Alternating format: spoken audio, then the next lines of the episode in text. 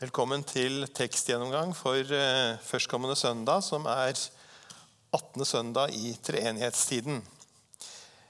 Tekstene denne dagen handler om eh, folkeslagene. Og Det er ikke noe ukjent tema her fra talerstolen på Vid misjonshøgskolen. Bibelen tegner som kjent et bilde av at Gud har utvalgt et bestemt folk, Israel.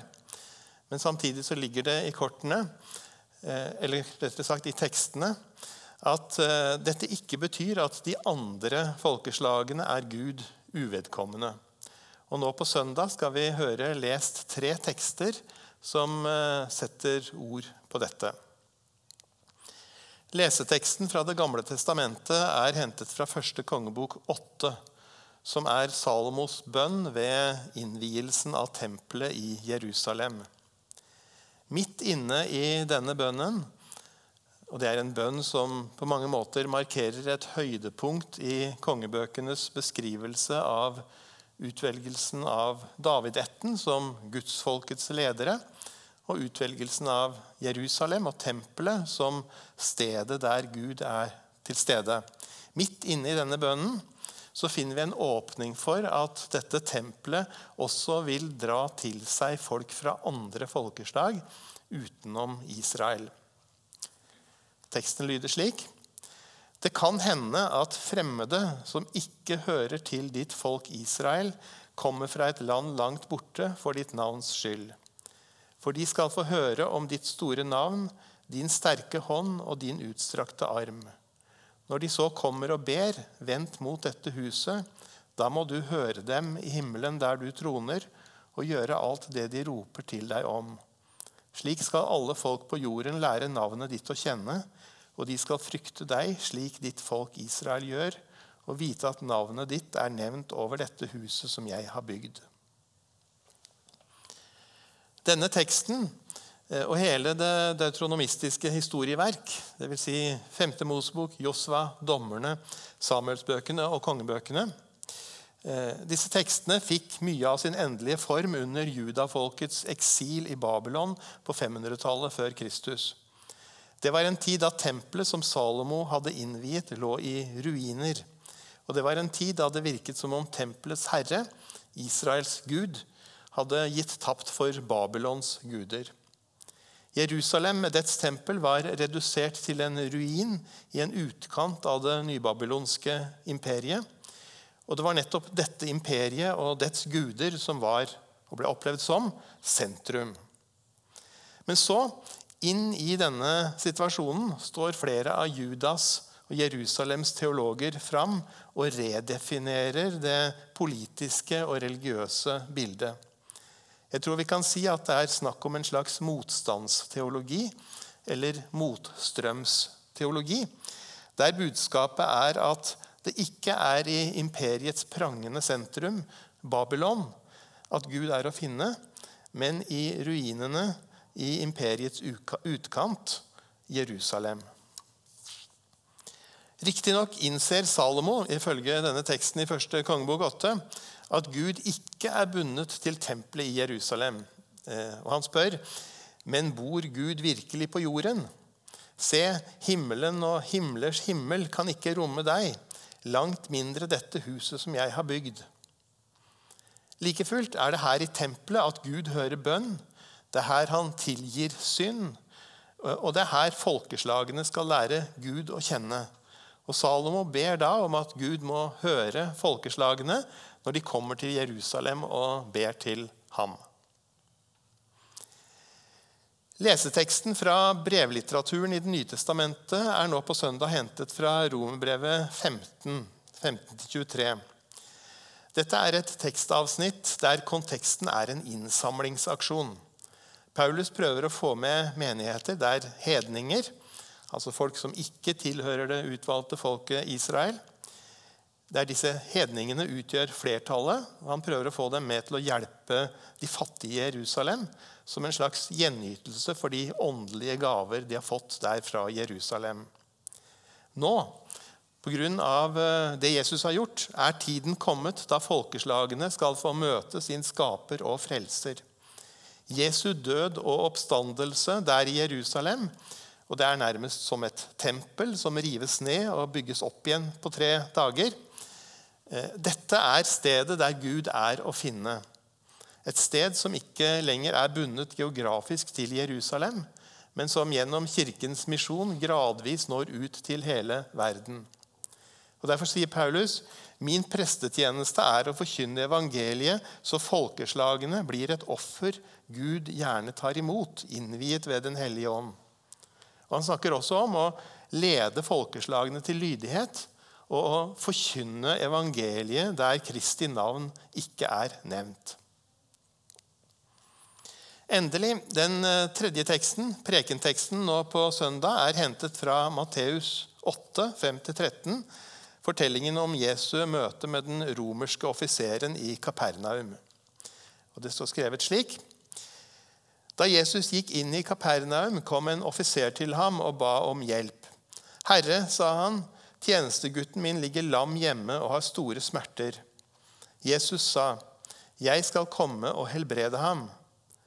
Offiseren svarte, 'Herre, jeg er ikke verdig til at du kommer inn under mitt tak.' Men si bare et ord, så vil tjenestegutten min bli helbredet. For jeg står selv under kommando og har soldater under meg. Sier jeg til én 'gå', så går han. Og til en annen 'kom', så kommer han. Og til min tjener 'gjør dette', så gjør han det.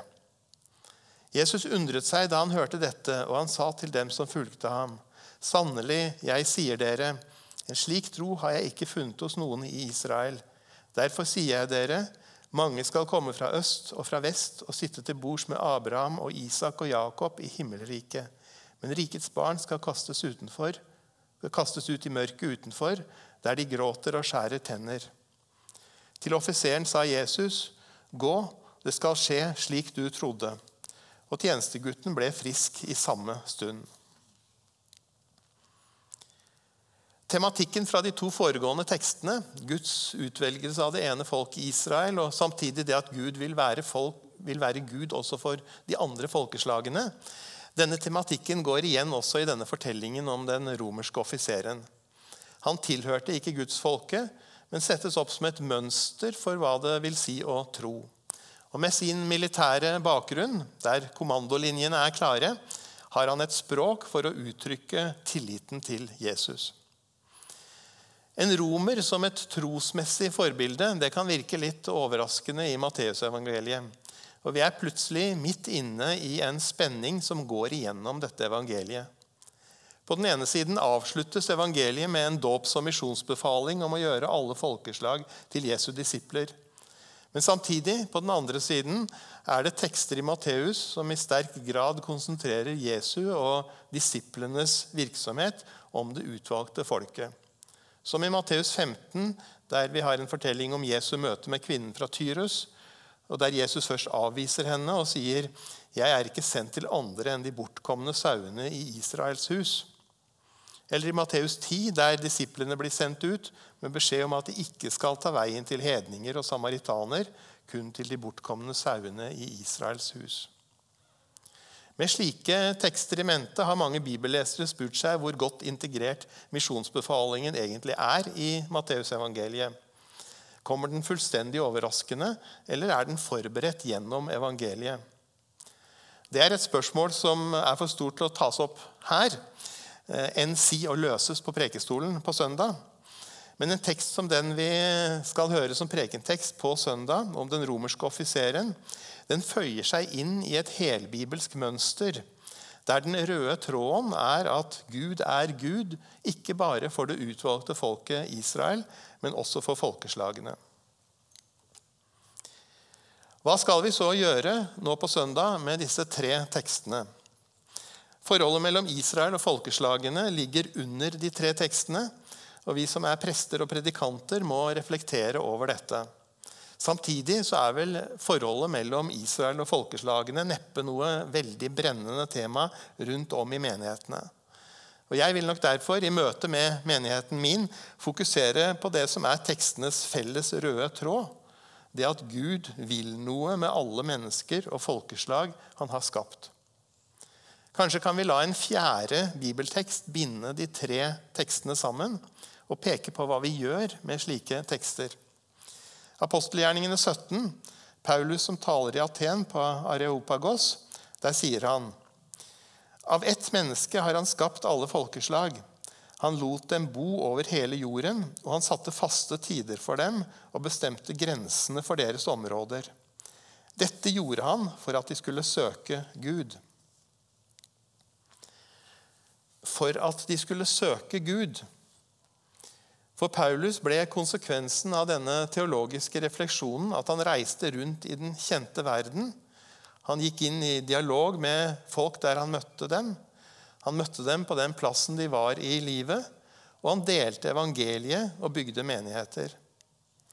Dette å dele evangeliet, bygge menigheter, det er også vårt kall i dag. Vi er mottakere i forhold til evangelieforkynnelsen og kirkebyggingen. Gjennom ord og sakrament så får vi møte den Gud som vil at alle mennesker skal bli frelst og lære sannheten å kjenne. Men samtidig er vi også utøvere som vitner om den Gud som har møtt oss.